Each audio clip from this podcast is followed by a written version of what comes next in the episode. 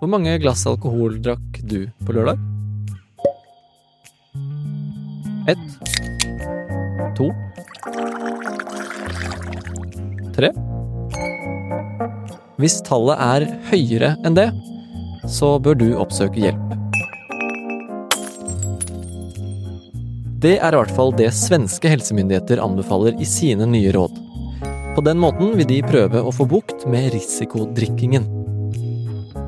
Men har du virkelig et problem idet du bestiller din fjerde øl for kvelden? Du hører på Forklart fra Aftenposten, hvor vi tar for oss én nyhet i hver episode. I dag går vi gjennom hvor farlig alkohol egentlig er for deg. Vi mennesker har jo elsket alkohol lengre enn vi har vært mennesker. Det er tirsdag 26. september, og jeg heter David Vekoni.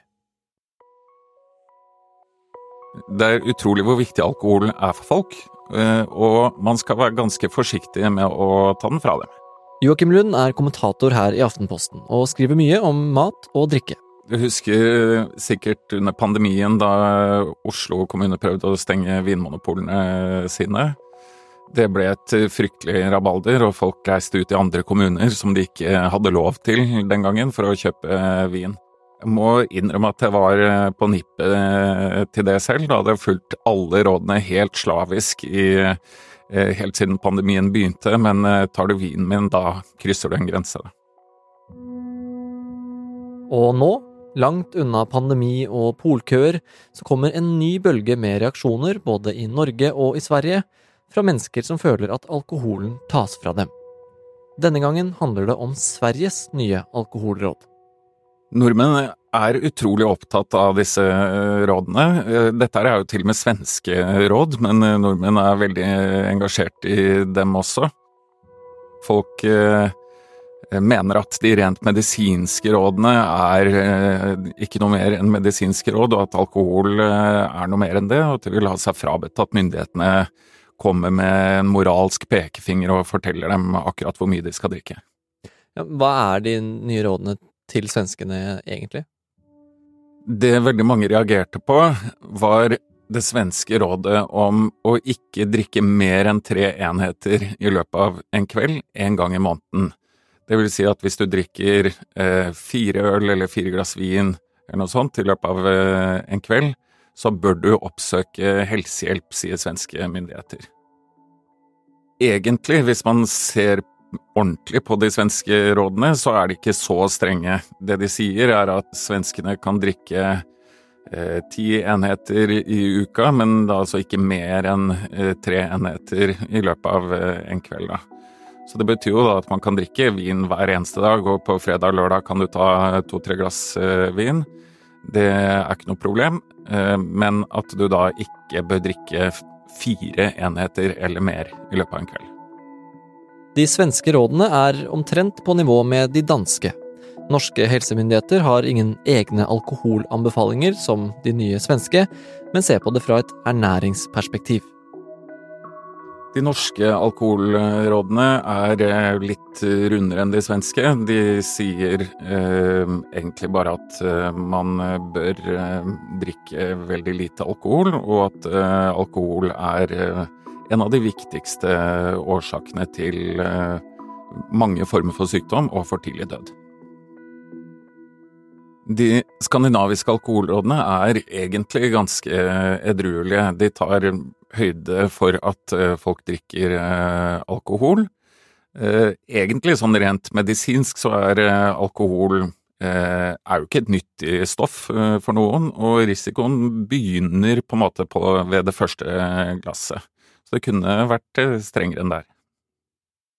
Men likevel, eh, maks fire enheter, det høres jo ikke mye ut. Altså, i så fall burde jeg ringt fastlegen da jeg kom hjem fra jobbtur til Stockholm nå, uten at jeg på en måte anser meg selv som en som har et drikkeproblem.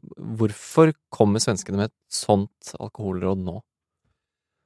Jeg tror grunnen til at eh, svenskene kommer med det rådet de gjør, altså om eh, at folk ikke skal drikke mer enn tre enheter på en gang, det er at de vil eh, det risikofylte drikkemønsteret til livs. Og det, det, er jo en litt sånn skandinavisk ting, egentlig. mange andre steder, altså i, i Sør-Europa, Italia, Frankrike, Spania, så er det veldig vanlig å drikke eh, vin eksempel hver dag, men det er vanligst å drikke det til eh, maten, og sånn at alkoholkonsumet fordeler seg ganske jevnt eh, utover uka. Mens i Skandinavia så har man eh, Eh, et drikkemønster som er litt mer sånn at eh, ja, det er ikke så vanlig å drikke vin på, i ukedagene til middag og sånn, men eh, når fredagen kommer, så slår vi et tåret skikkelig. Og det er sånn, for å sette det på spissen, da, hvis du, hvis du drikker én enhet, altså en øl eller et glass vin eller en cocktail, så det er ikke så veldig farlig. Men hvis du drikker ti på en gang, så da kan på en måte hva som helst skje. Så Det er det som er risikofylt, da, i tillegg til at det øker risikoen for sykdommer. I Norge er det enkelte som drikker mer enn andre. 10% av oss står for omtrent halvparten av drikkingen, ifølge Folkehelseinstituttet.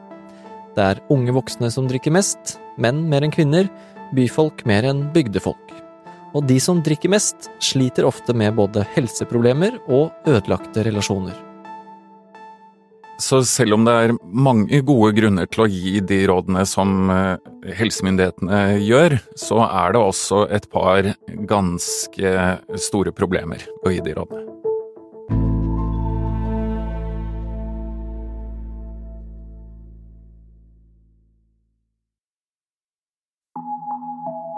Bare fyr løs. Kaveh Rashidi er kjendislege og programleder i Podme-podkasten Helseopplysningen. Ifølge ham er det mye som skjer i kroppen når vi drikker alkohol. Ja, så hva er det som ikke skjer i kroppen? Det, det, alt blir påvirket eh, av alkohol, enten direkte eller indirekte. Rent praktisk, hvis man skal følge alkoholen, så er det jo det at den finner veien inn i blodbanen som er første steg.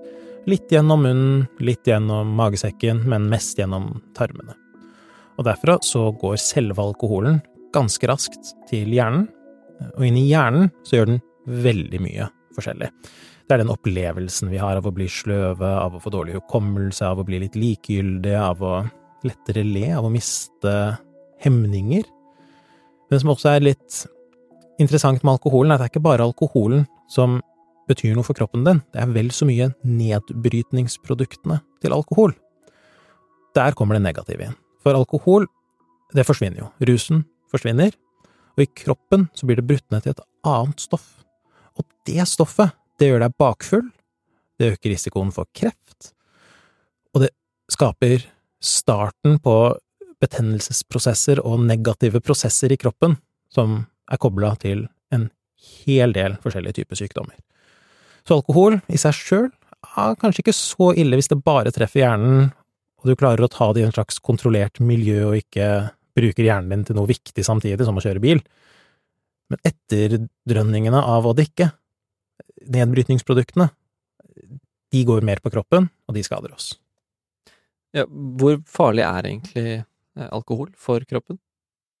Det er farlig i den forstand at jo mer alkohol du drikker, jo større er risikoen for at du får fysiske og psykiske lidelser. Det kan man si med 100% trygghet. Um, og litt av det kjedelige med akkurat alkohol er at man ikke har funnet noen trygg nedre grense. Så uansett hvor lite eller hvor mye alkohol du drikker, så er det ene ekstra glasset litt farligere enn om du ikke hadde tatt det.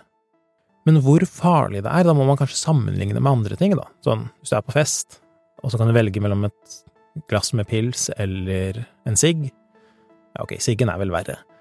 Men det er ikke sånn verden egentlig funker, at man går rundt og velger mellom risikofaktorer for god og dårlig helse.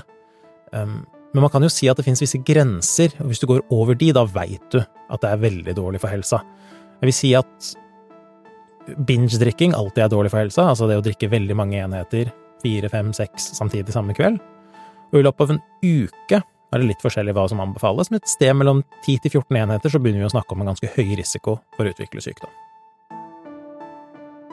Verdens helseorganisasjon plasserer alkohol i høyeste risikogruppe av kreftfremkallende stoffer, samme som tobakk, asbest og stråling. I tillegg kan det ifølge FHI være avhengighetsskapende hvis du bruker det mye og over lang tid. Det selges på Vinmonopolet, pakkes inn i fine flasker, bokser og treliters dunker. Joakim, eh, hvor mye koster det samfunnet at vi drikker alkohol? Oslo Economics gjorde en eh, beregning på det, og de, de antar at de norske drikkevannene koster samfunnet mellom 80 og 100 milliarder kroner i året. Og det er eh, omtrent det samme som tre vinter-OL i Beijing. Eller det samme som 30 nye Munch-museer hvert år. Nok til å fylle alle Norges kommuner med et helt eget L-formet utskjelt bygg på 10–12 år, hvis man hadde ønsket det. Men selv om det er mye å spare på å kutte ut alkohol, mener Joakim det kan være problematisk med sånne strenge råd. En grunn til at et sånt eh, råd kan være problematisk, er at eh, folk kan oppleve det som veldig virkelighetsfjernt. Fordi veldig mange drikker, eh, og de aller fleste opplever ikke egentlig at de, de opplever ikke noen negative konsekvenser med at de drikker.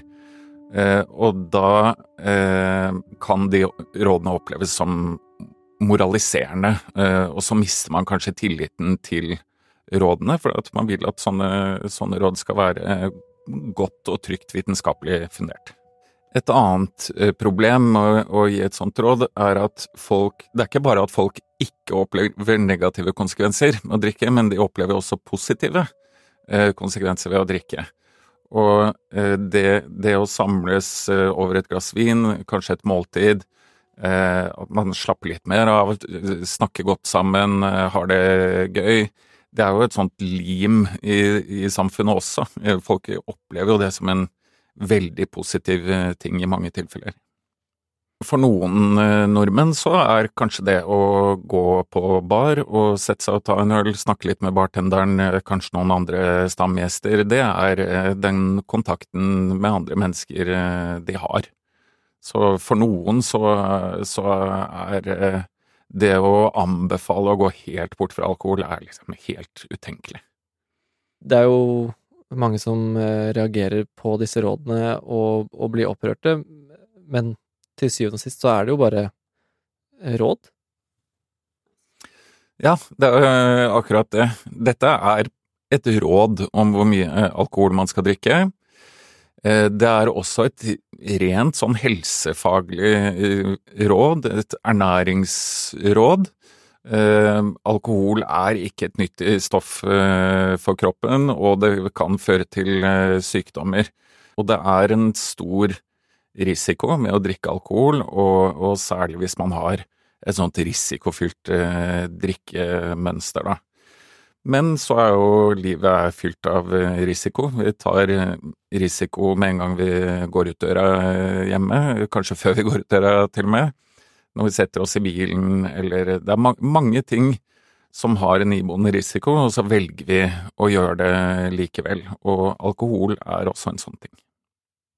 Ok, Kaveh, eh, skal vi avslutte med å spørre legen om råd her. Hvis man ikke skal droppe alkoholen helt, hva er et eh, greit kompromiss? Jeg tror et greit kompromiss er to ting. Det ene er prøv å ha noen perioder hvor du er alkoholfri, typ en alkoholfri uke eller måned. Det har vist seg å ha masse positive helsegevinster. Og det andre er prøv å ikke drikke det siste glasset.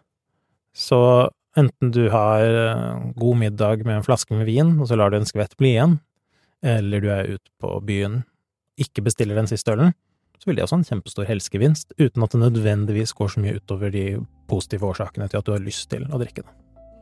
Jeg tenker sånn, rent praktisk, ofte, at sånn, i dag skal jeg drikke, det er fint, den risikoen ønsker jeg å ta i livet, fordi jeg syns gevinsten er verdt det, men at på et eller annet tidspunkt så har jeg en sånn liten indre stemme som sier sånn Nei, stopper nå.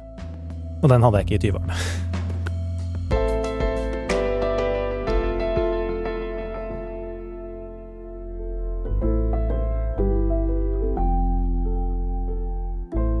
Du har hørt en podkast fra Aftenposten. Det var Joakim Lund og Kaveh Rashidi som forklarte hvorfor alkohol er farlig, og hvorfor nordmenn likevel er så glad i det. Denne episoden er laget av produsent Jenny Førland og meg, David Vekoni. Og resten av Forklart er Synne Søhol, Olav Eggesvik og Anders Weberg. Hvis du vil høre Kave fortelle mer om hvordan alkohol påvirker kroppen, eller om mobilbruk, angst eller søvn eller mye mer, så kan du sjekke ut podkasten hans Helseopplysningen i Podme-appen. Der finner du også alt innholdet som vi i Aftenposten lager.